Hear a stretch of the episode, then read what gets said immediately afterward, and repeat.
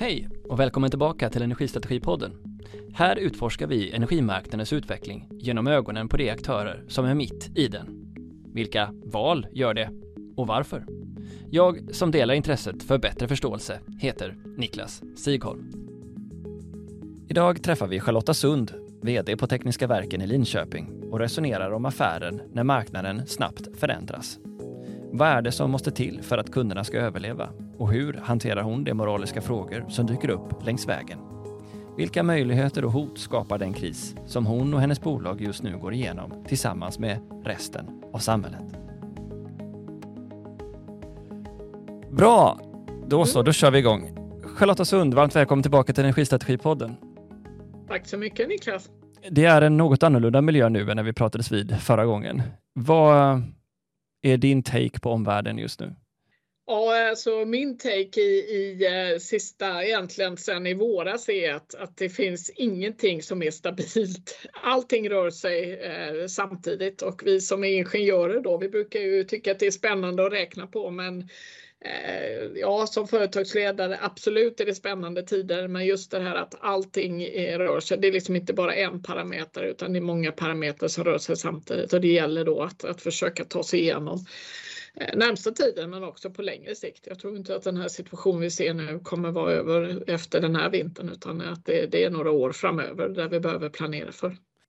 Jag tänker att du med din historia som kommer även från en annan sektor där det har varit snabba marknadsförflyttningar eh, och så kommer in i en bransch som har varit mer eller mindre stabil i 30 år och som nu drabbas av den här extremt snabba förändringar. Ser du likheter, skillnader?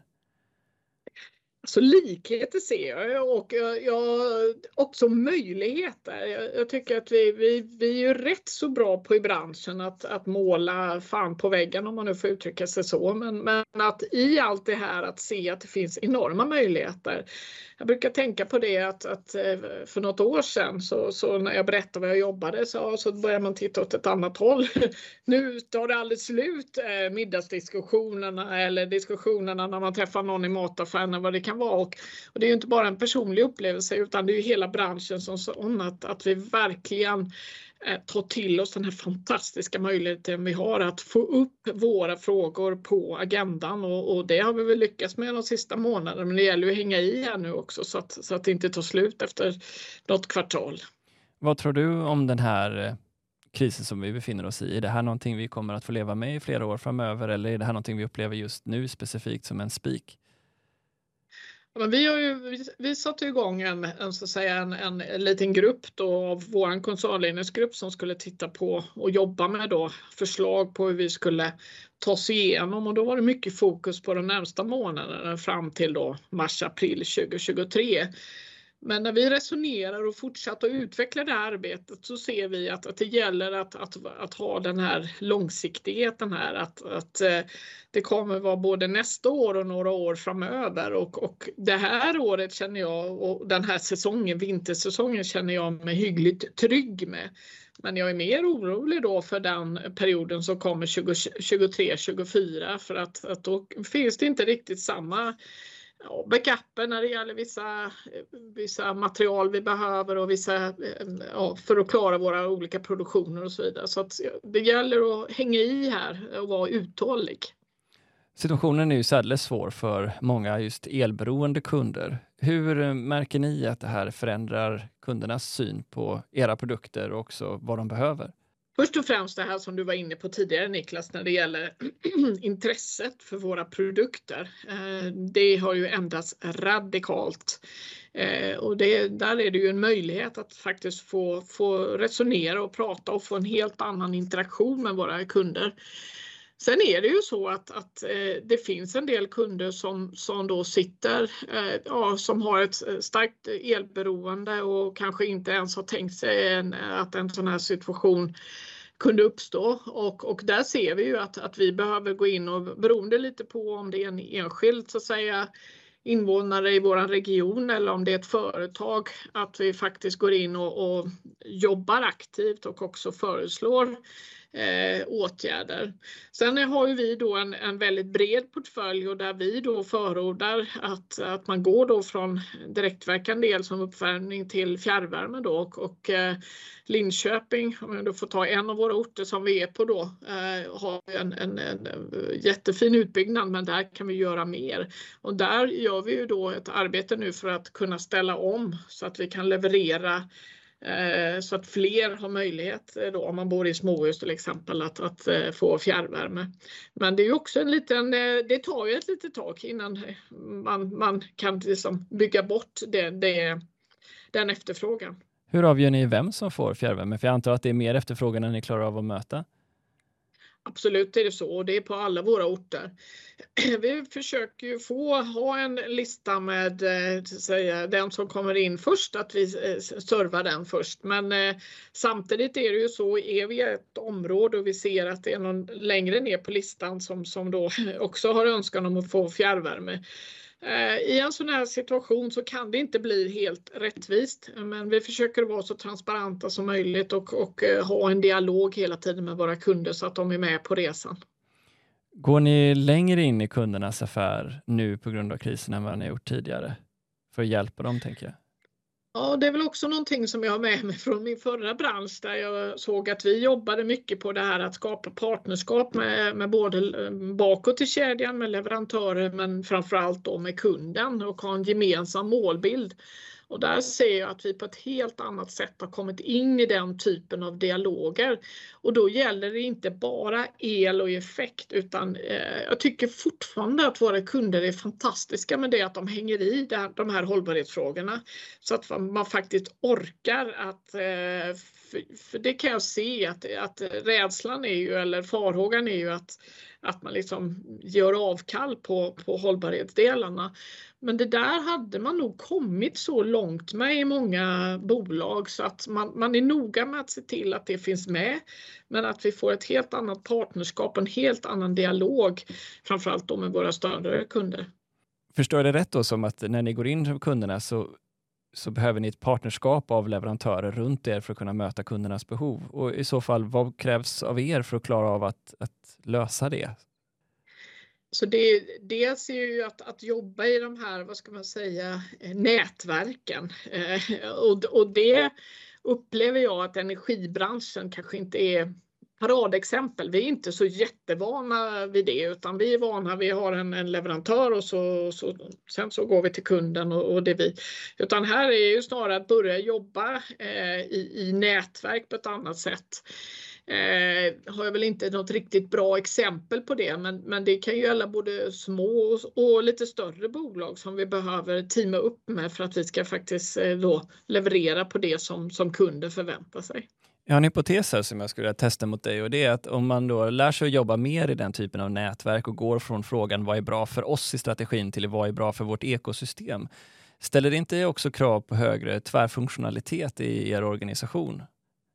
Absolut, absolut gör det det och, och att man kan jobba med, eller vi behöver medarbetare som förstår att eh, och, och kan omfamna eh, och också ta med sig expertkompetens. Eh, om man, kan, om man är väldigt duktig på en teknisk lösning så, så är det ju inte hela lösningen utan man behöver också komplettera det här med att kunna förstå ja, hur ser affärsmodellen ut? Hur, vilka liksom profit pools finns det för alla oss? För ingen jobbar ju bara gratis utan den vinst som vi skapar i det här nätverket behöver vi ju då på något vis fördela och vem, var skapar man värdena? Så att det är många spännande utmaningar vi ställs inför och som jag ser att, att vi faktiskt närmar oss mycket snabbare än om vi inte hade haft den här omgivningen som vi, vi ser idag. Och Det låter som att eh, dina kunder är väldigt proaktiva. Många kunder är ju trots allt eh, reaktiva först när de får fakturan. Eh, antar att det också finns en grupp eftersläntrare här som, eh, som behöver proaktivt tas om hand om för de vet kanske inte ens vilken situation som väntar eller är alla redan där och införstådda med det? Alltså vi får väldigt mycket samtal om man tittar på eh, segmentet konsumenter och små och medelstora bolag så får vi ju väldigt många som ringer in och som är extremt oroliga. Och där har det ju varit en information. Jag, jag, jag, jag säger inte att den är felaktig, men, men det, man kan ju inte sätta på och titta på några sociala medier eller titta på någon nyhetssändning eller eh, lyssna till någonting utan att, att man pratar elpriser och att man behöver ju förstå kunden och just den unika kundsituationen. Eh, sen kommer det säkert vara en helt gäng som kommer när de får eh, sina fakturer och allt eftersom det blir kallare och priserna blir ännu högre att vi kommer få fler och fler eh, kunder som, som, eh, som ringer in till oss eller tar kontakt eh, via andra eh, sociala medier med oss. Eh, och där är det ju så att vi, eh, vi försöker nu att stärka upp vår kundtjänst eh, och också jobba faktiskt med debriefing för att det är tufft att sitta i de här samtalen när det är mm, ja, kunder som, som, som är riktigt oroliga och också kunna guida dem på ett annat sätt än vad vi har gjort tidigare. Det blir nästan en moralisk fråga här, men vad, vad gör man med den kunden som sitter någonstans utanför ett fjärrvärmenät och som ja, på nöd och näppe eller kanske lite under klarar det här. Ehm, det, det, måste leda till moraliska frågor även hos er, tänker jag. Ja, och inte minst för att vi har ju väldigt tydlighet att absolut ska vi leverera en eh, vinst och göra liksom finansiellt bra siffror. Men vi har ju också eh, tydligt från våra ägare att vi ska liksom vara en god samhällsaktör samt att också då eh, ha den här hållbarhets och, och, inte minst då liksom det, det miljöperspektivet. Eh, och det är ju egentligen när man kan samverka med alla de tre delarna som vi lever upp till kraven från ägarna och, och eh, jag kan bara säga Niklas att det är ett dilemma. Visst är det så. För att det är ju, eh, där, där behöver man ju också liksom ta till sig det och, och jag tror alltid att ärlighet eh, med eh, såklart en stor eh, empati att, att eh, vi kan inte lösa alla kunders dilemman och vi kan inte leverera Eh, fjärrvärme till alla som önskar det. Och det är en sån enkel sak som att det, det saknas licensierade svetsare. Det är du säkert eh, medveten om, men det är en sån sak och det fixar man inte fram så här. Eh, så att det, det, vi gör vårt bästa och vi försöker hålla dialog med kunderna och sen då försöka ge tips på eh, energibesparande åtgärder om man då sitter i, i en villa med direktverkande el. Då. Har det här påverkat hur ni kommunicerar i de regioner som ni finns? Ja, eh, absolut när det gäller samtalet från, i, liksom, i, i, direkt med kundservice. Men sen eh, drar vi igång nu en, en, eh, en stor eh, informationskampanj då där, eh, där vi pratar om att allt räknas. Eh, eh så att hjälps vi åt tillsammans och vi pratar mycket om det här tillsammans då att, att vi behöver hjälpas åt för att klara våran region och, och se till att vi då minskar på den el vi använder och med det då slutligen kan det bli att, att, att det lite längre bort kan bli lite lägre priser då. Så, så det där har vi en, en uppsjö av olika aktiviteter framöver. Eh, eh Alltifrån kundbrev till eh, andra dialoger eh, eh, och vi ser att det där kommer vi fortsätta att ösa på allt eftersom. Vi har ju precis spelat in en, en liten film med en av våra medarbetare som vi kommer gå på då TV4 Öst här. Ja, så att vi vi tycker det är bättre att hålla igång dialogen än att vara väldigt sådär selektiv och att det ska vara på något vis perfekt. Tror du att du kan lova att ni kommer hålla resonabla tider i kundtjänsten under, under vintern här som kommer? Vi öser in nya medarbetare men vi vill också ha en, den fina höjd vi har på vår kundservice. Så att eh, vi kommer göra vårt yttersta. Så att vi kommer ta in och vi tar in nya medarbetare men vi har också insett att vi måste ta hand om de som redan finns. Eh, för att det tar på enskilda medarbetare att, att sitta i de här samtalen. Så att vi jobbar på två fronter där kan man säga. Eh, sen om det kommer bli kortare tider eller inte längre tider, det vågar inte jag eh, lova Niklas, men vi gör vårt eh, yttersta för att vi inte ska eh, förlänga i onödan i alla fall. På flera orter runt om i Sverige så flaggas för en risk för efterfrågeförstörelse. Ja, översatt helt enkelt att de här vissa kunder går i konkurs eller inte kan betala. Ser situationen liknande ut hos er? Alltså vi ser inte ännu att, att vi har en ökad andel som inte kan betala. Men eh, vi har satt upp ett system eller en process kan man säga. Eh, och egentligen är det någonting vi dammade av för att när vi såg eh, eh pandemin komma för ett antal år sedan så trodde vi då att det skulle bli Eh, många kunder som inte hade möjlighet att, att eh, betala sina räkningar till oss då, men vi såg inte riktigt det. Men från det har vi en process då, så vi dammar av den eh, och, och kommer hålla oss till den då. Vi har inte sett någonting ännu och jag hoppas att vi kan klara vintern med inte allt för många kunder som, som hamnar i den tråkiga situationen då. Okej, om vi rullar över lite mer på hur det här ser ut för era affärer så vet ju jag med mig att många som budgeterade förra året innan kriget hade brutit ut hade en eh, 30 öres eh, prognos på elpriset även för den här hösten och det har ju inte riktigt blivit så. Vissa har nästan dubblerat sin omsättning. Hur, vilka av era verksamheter går eh, liksom synnerligen starkt nu eller ökar sin omsättning? Mm. Alltså vi är ju och det tar jag inte bara äran från, från min tid utan långt, långt innan mig. Vi är ju väldigt breda, eh, men inom våran region och vi har ju också satsat på att ha en hel del produktion. Och i sådana här lägen då när vi producerar el och värme så det sticker jag inte under stol med att, att det är klart att det eh, innebär fina siffror för oss.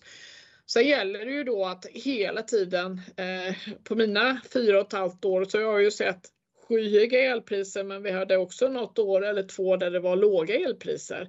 Och det gäller ju inte att bli förblindad i att, att eh, för de här ständiga förbättringarna, effektivisering, att vi kan göra ännu mer då i form av av eh, till exempel fånga in koldioxid eller göra, eh, bygga ut vår biogasanläggning och så vidare. Så att, jag kan säga allt där vi har produktion och vi har ju eh, både så att säga ren energi eller elproduktion som är vatten och sol eh, och vindkraft. Men vi, vi gör ju också då producerar biogas och, det, det, och, och såklart då kraftvärmen och, och fjärrvärmen och, och, alla de delarna går ju ofantligt bra. Så är det. Möter ni tvärtom då, för det här var kanske förväntat, möter ni tvärtom då några områden som har stöter på större utmaningar än någonsin just nu? Ja, det, vi är ju då sedan ett år tillbaka eller ett och ett halvt år tillbaka eh, 100% ägare då till eh, elhandlaren Bixia. Vi har ju alltid varit en absolut majoritetsägare men vi renodlar det där och vi ser ju också att ska vi kunna leverera till våran region, den mest resurseffektiva regionen i världen, då är elhandeln och elhandlaren jätteviktiga att ha med sig i den där portföljen. Men att vara elhandlare idag, eh, det är en utmaning eh, och där jobbar jag då med Per Kaller eh, som är våran VD där Eh, vi jobbar extremt nära eh, och eh, det kan jag väl säga att, att det är väl den eh, verksamheten där vi har störst utmaningar. Samtidigt som vi ser att vi har ett väldigt fint inflöde av nya kunder, inte minst då konsumenter som i den här osäkerheten, trots ny eh, konkurrens och så vidare, så vill man någonstans gå till någonting som känns pålitligt eh, och där man har en bra dialog eh, mellan elhandlaren och, det har blivit viktigare än vad tidigare. Eh, så vi ser ju ett inflöde av, av, kunder både på så att säga ut mot små och medelstora företag men också mot stora företag och också de balanstjänster vi då erbjuder. Just det. Är det jag tänker just på, på riskbedömningen här och det kan ju finnas en riskbedömning även när säga, går extremt bra och det är ifrågasättande man kan få där, men även på elhandel om det kräver extremt höga krediter eller så. Hur är det att få med sig ägarna i förståelsen över den här långsiktigheten som du förespråkar här? Ja, vi har ju, jag tycker det är viktigt att man som bolag och som koncern då kan stå upp så att vi, eh, vi, vi ser ju till att vi på koncernen följer eh, och kan leverera på de ägardirektiv som finns på de finansiella bitarna. Och det fortsätter vi att göra. Och där gäller ju då att hela tiden värdera eh, hur ligger vi till på elhandeln? Kan vi ta på oss mer? Kan vi ta på, behöver vi jobba med, med kreditdelen och alltså alla de här olika parametrarna vi kan skruva på. Eh, så att för mig är det viktigt att, att hålla ihop koncernen och se att vi som koncern kan leverera upp till våran ägare. Och vi har ännu inte behövt då, och jag ser inte att vi kommer behöva det heller, gå tillbaka till ägaren. Sen behöver vi ju förklara eh, och vad vi gör och Eh, och ha ett resonemang med ägaren. Men det är inte så att vi har behöv, behövt gå tillbaka till ägaren och bett om mer pengar eller större krediter och så, utan vi har kunnat hantera det i, i vår egen låda så att säga. Och det är min ambition att vi ska fortsätta att göra det. Den här eh, situationen där det svänger mer i respektive affär, eh, ökar det som du ser det eller minskar det eh, vikten av att vara en multi-utility som du ser det? Tycker det ökar och jag tycker alltså just med det här att, att ha det här samhällsperspektivet, att kunna stå upp och vara en trygg partner i flera olika discipliner och också ha en portfölj av olika produkter man faktiskt kan erbjuda. Eh, jag ser att vi får eh, cred för det eh, hos våra kunder. Så ju mer egentligen det, det så att säga, ju osäkrare det blir, ju mer upp och ner så är det rätt så skönt att kunna säga ja men det är ju de på tekniska verken som sitter där borta eller i alla fall i regionen och det är någon med kött och blod liksom som, som man någonstans kan ha en, en dialog med. Eh, och inte minst tror jag i de här tiderna vi är nu att, att är det någon gång man kan eh, så att säga, bygga sitt varumärke ännu starkare genom rätt aktiviteter eh, och det här partnerskapet med kunderna så är det i den tiden vi lever nu. Jag tänker då det omvända då från elhandeln och den risken som ska klara av att bäras för den långsiktiga förtjänsten så finns det också kanske en varumärkesrisk i det att ni skulle göra väldigt stora vinster hypotetiskt av att ni mm. ju har satsat på av vad som nu är helt rätt, en position med mycket produktion. Finns det en risk och en slagsida att ni kommer andra sidan årsskiftet se kunder som går på knäna samtidigt som ni är väldigt höga risker, att ert varumärke ifrågasätts ur det perspektivet?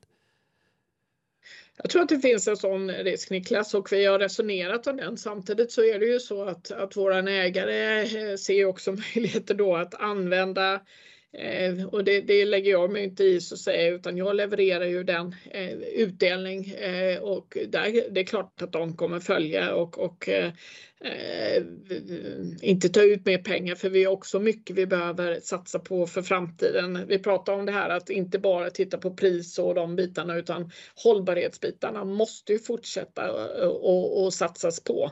Eh, det är ju inte så att klimatet har blivit bättre de, de senaste halvåret utan snarare tvärtom. Eh, och där har vi ju stora utmaningar framför oss eh, där vi tittar på allt ifrån eftersortering då för att kunna plocka ut mer plast och, och, mer organiskt material som vi kan använda, använda bland annat för biogasproduktion till att fånga in eh, CO2, koldioxid och hur vi ska använda det och kan vi vara med och sätta upp en marknad och det där kommer ju kräva både resurser och, och både så att säga finansiella resurser och också då eh, medarbetare. Så det gäller ju att, att man ser som kund till Tekniska verken att vi inte bara stoppar pengarna och, och skickar iväg dem utan att man verkligen ser att det här kommer till nytta för att utveckla den här regionen. Eh, så på det viset tror jag att vi har en lite lätt lättare sits än om man är eh, en kollega i branschen som kanske är över hela Europa och, och, vinsten hamnar någon annanstans. Och vi har lättare att peka på, ja där hamnade våran vinst. Eh, så. Och det låter nästan som att den här, eh, vad ska man kalla den, krisen, när jag väljer att benämna den, också accentuerar ett behov av att öka investeringstakten för att flytta någon position. Stämmer det? Förstod jag det rätt?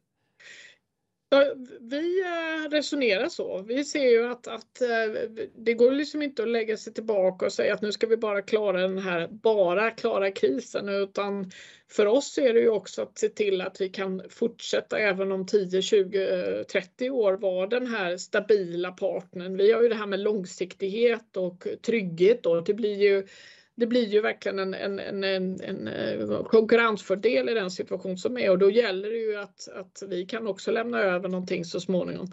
Så att eh, nej, jag, jag tycker att för oss och våran strategiska plan så sen måste man ju hela tiden balansera. Vad har vi råd med och hur för också då andra sidan att de finansiella ägarkrav vi har på oss, de ska vi leva upp till. Absolut. Men du Charlotta, då, apropå det här med stabilitet och långsiktigt tänk så har vi ju haft en um, stor omsvängning, i alla fall i retoriken i politiken än så länge, även om vi inte har sett någon budget än när det här spelas in.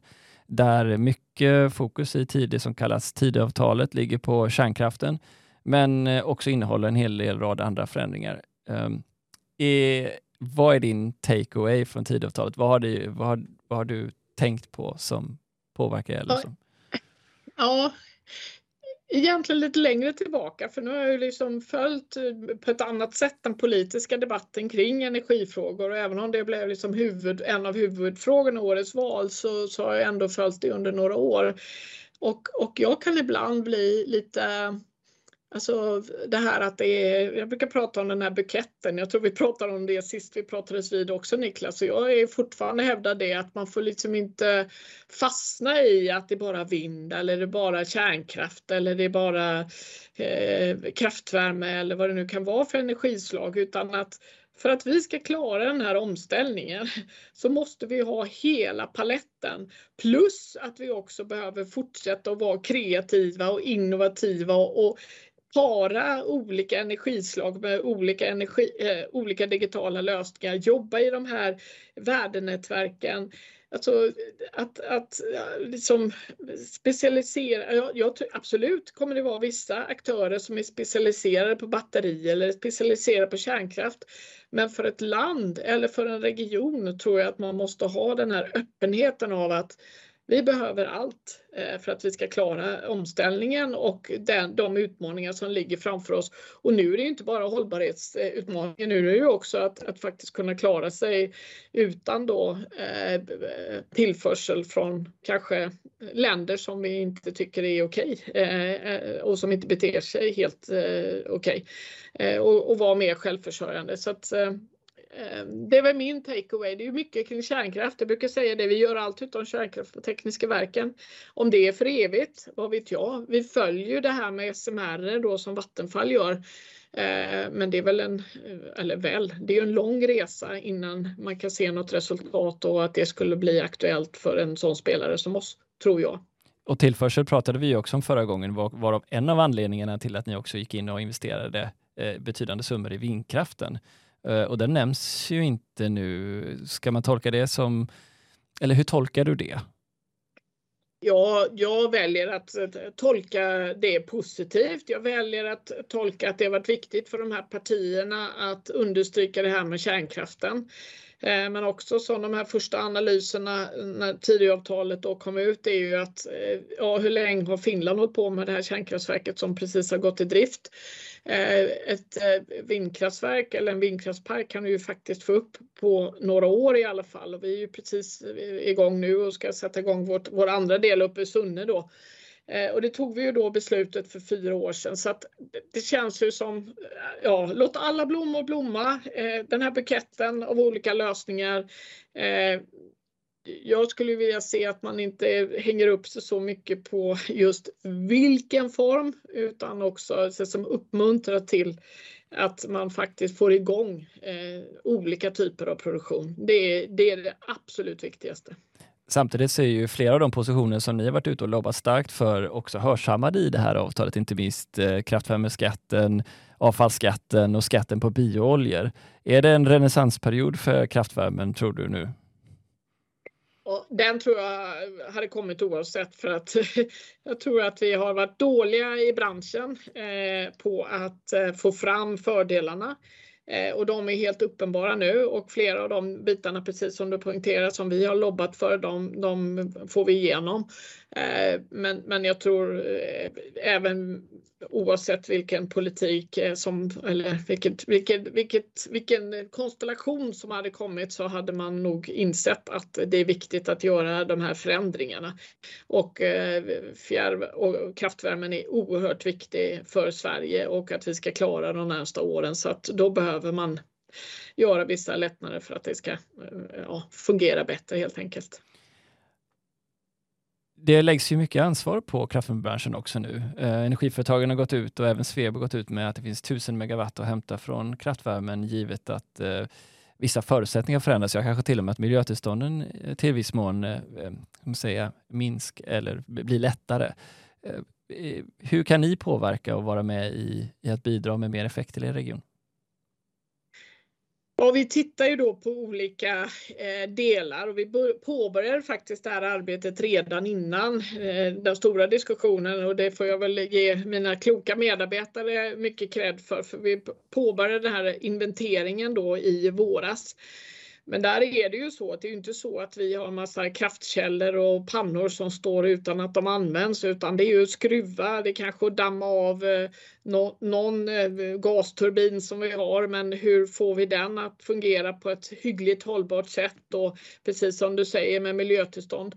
Så visst finns det några få delar vi kan få igång under vintern men det är framförallt under vintern 23-24 där jag ser att vi kommer kunna kanske bidra mer då. Men, men vi är med i den här loopen och, och försöker att eh, fortsätta att göra inventering och se vad vi, vad vi kan bidra eventuellt med då. Sen är det klart de här miljötillstånden och ja, du vet, vi vill ju också vara duktiga på klimatbokslut och kunna visa på så att det där är ju en balansgång. Eh, ja precis, mm, högre avkylning i stångån. Mm. Ni, skulle ni mm. kunna acceptera mer, var, en varmare stångån eh, för att kunna producera mer el? Ja, och då är det ju liksom hur mycket varmare och vad får det för konsekvenser? Man behöver ju ändå förstå eh, vad det är i så fall det innebär. Eh, så, så att eh, ja, vi fortsätter att jobba på den frågan och, och jag ser att vi kommer kunna bidra. Eh, hur mycket? Osäkert, men, men eh, lite grann kommer absolut komma från tekniska verken. Är det så att den frågan som ligger kvar på bordet alltså efter att ha sett det här är att okej, okay, vi får ett antal frågor som vi har tyckt eh, borde ha förändrats för länge sedan, men det ni kommer fortsätta jobba för är vadå, en bred energiöverenskommelse? Jag vet inte. Eh, det hade ju varit fantastiskt om det hade kommit en bred energiöverenskommelse men jag, jag tror faktiskt inte att det, det finns eh, vad ska jag säga, tid för det hos politikerna just nu utan nu tror jag att vi får förhålla oss. Det, det är ju liksom, jag kommer tillbaka till det, allt rör sig, vet det här systemet så att eh, vi får nog lära oss att leva med det här och, och eh, också göra våra egna analyser och, och betta på vissa delar. Sen tror jag att eh, om några år absolut kommer man komma till den punkten att man behöver den här breda energiöverenskommelsen men jag ser inte i närtid att, att det kommer hända. Nej, det gör jag inte. En annan risk som ni naturligtvis också är utsatta för är den som inflationen driver på. Ökade, ökade kostnader för både insatsvaror, tjänster, men så även eh, överföringsavgifter som kommer från Svenska kraftnät ner på ett elnät. Eh, I vilken mån ser ni att eh, det utgör en risk eller kan du beskriva läget? Jag kan säga att det är ett faktum. Vi behöver inte ens prata om en risk utan jag har precis fått idag ta del av, av de överliggande näten och, och vad de tänker sig att det då ska jag är mer förvånad som, eh, nu är jag inte ny längre i branschen, men att, att det bara liksom kommer som något slags eh, brev. Så här mycket är det och det är inte ens en förhandling utan ja, det kan jag orda mycket om. Eh, så det är absolut en risk eh, som, och det är inte bara en risk, det kommer ju hända. Eh, jag ser ju också inflationen, men där jag ser eh, att, att, det var, att vi ser väl lite grann att det börjar dämpa sig lite om vi tittar på våra inköp. Där är det ju mer så att vi ser brist på vissa insatsvaror. Eh, så att det spelar ingen roll hur mycket man betalar utan det finns ju inte. Och, där eh, tror jag att man får börja fundera på som land och som producent kan vi göra det själva? Kan vi gå ihop med några för att producera vissa insatsvaror? Kan vi jobba ihop med, apropå de här värdenätverken, kan vi jobba ihop med någon av våra leverantörer eh, för att få, få till det här? Eh, och sen så, eh, vi sitter ju just nu, precis som många andra, att tittar och försöker då få till våran budget för nästa år och, och eh, Ja, inflationen absolut, men det som är det nästan det eh, ännu större osäkerhetsfaktor och där vi är ännu mer påverkade, det är ju elpriset då. Så att inflationen någonstans, vi räknar med någon slags jämn inflation som viker av om något år eller två. Eh, eh, men där vår stora vad ska jag säga, dilemma är det ju vilket elpris vi kan räkna med och ändå har vi ju sådana experter då som Vixia och Johan Sigvardsson som är överallt och, och pratar om, om elpriset och hur det kommer bli. Så att eh, den tycker jag är den svåra nöten att knäcka för att det är där vi kan gå riktigt fel.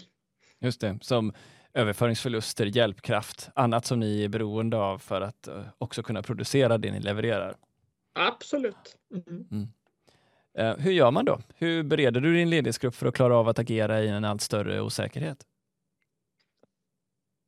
Vi har ju då jobbat mycket med strategi och strategisk inriktning och, och eh, jag kan ju känna mig nöjd med det då för vi har ju bland annat jobbat med det här med effekt på rätt tid, i rätt plats och i rätt form. Eh, vi har jobbat med eh, vi behöver jobba med att minska växthusgaser. Vi har, vi har en strategisk inriktning som tittar på cirkularitet och vår fjärde är då att, att titta på och jobba med digitala produkter och tjänster. Och, och och det här hade vi liksom arbetat fram innan då kriget och innan egentligen förra vintern. Och det är klart att vi behöver tvika i det. Men jag tror, och det jag ser i sådana här tider är att det, det känns ändå lite gott i magen att ha någonting att hålla sig. Är det rätt eller fel? Ja, det kan man ju alltid diskutera och det diskuterar vi hela tiden.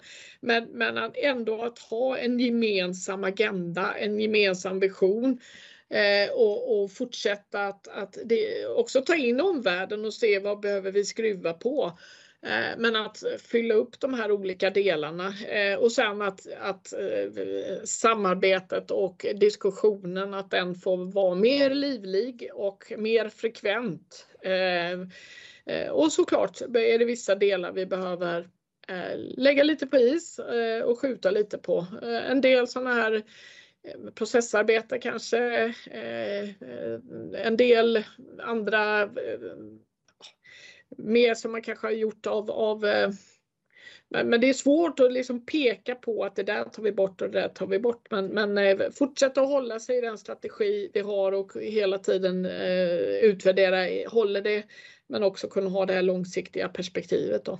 Ja, det låter som två saker tänker jag. Det ena är då om man tänker på energitrilemmat här, att vi har hållbarhet, vi har kostnadsaspekterna. alltså det ska vara Eh, affordable och så har vi då security supply eller någon form av tillgänglighet. Så låter det som att du är rätt trygg i att den långsiktiga trenden kring hållbarhetstemat inte kommer att försvinna så mycket, även om det sker en förskjutning mot ökad leveranssäkerhet och ha kontroll på kostnader som viktigt fokus? Nej, men det, jag tror då, sen, sen är det ju också så att vi fick en ny CFO här för några år sedan och han kom då från kärnkraftsindustrin och hans mantra är just det här med äh, tillgänglighet. Så att han började direkt, han kom in dag ett liksom, tillgänglighet. Så att vi, det där är inget nytt begrepp för oss. Men absolut är det så. Och, och äh, vi ser hos oss att vi måste fortsätta hålla i det här med hållbarhet och, och att, att det kommer att vara en, en eh, väldigt stark trend och en, en eh, del som också liksom rent eh, minska, alltså vi betalar ju utsläppsrätter och de har ju stigit i pris och vi måste ta hand om våra lokala utsläpp när det gäller koldioxid till exempel. Eh, så så att jag, nej, jag ser inte utan man får hålla flera saker i huvudet och eh, det där är definitivt två delar som, som inte står mot varandra utan som vi behöver fortsätta att jobba med. Men du pratar ju mycket om då eh, en gardering av, kanske en utveckling av och en spridning av era kärnaffärer, alltså tänker jag på kraftvärmen, elnätet, vindkraften, allt sånt som liksom där ni är asset heavy. Påverkar det dock analysen av det som inte är det mer tjänsteutriktat, det innovativa arbete som ni också satsat historiskt en hel del på som är runt mer eh, ska man säga, skalbar tjänsteutveckling. Eh, förändras den positionen nu när liksom, det handlar om att skydda basaffären på ett annat sätt? Nej, det, det, det, alltså, så för den rusar ju på den utvecklingen. Så att eh, där ser jag att vi måste fortsätta eh, och där har vi ju till exempel då lyckan av att ha eh, vårat vårt bredbandsbolag då som jobbar med också IoT-lösningar och hur kan vi använda oss av dem och koppla upp enheter? Säkert.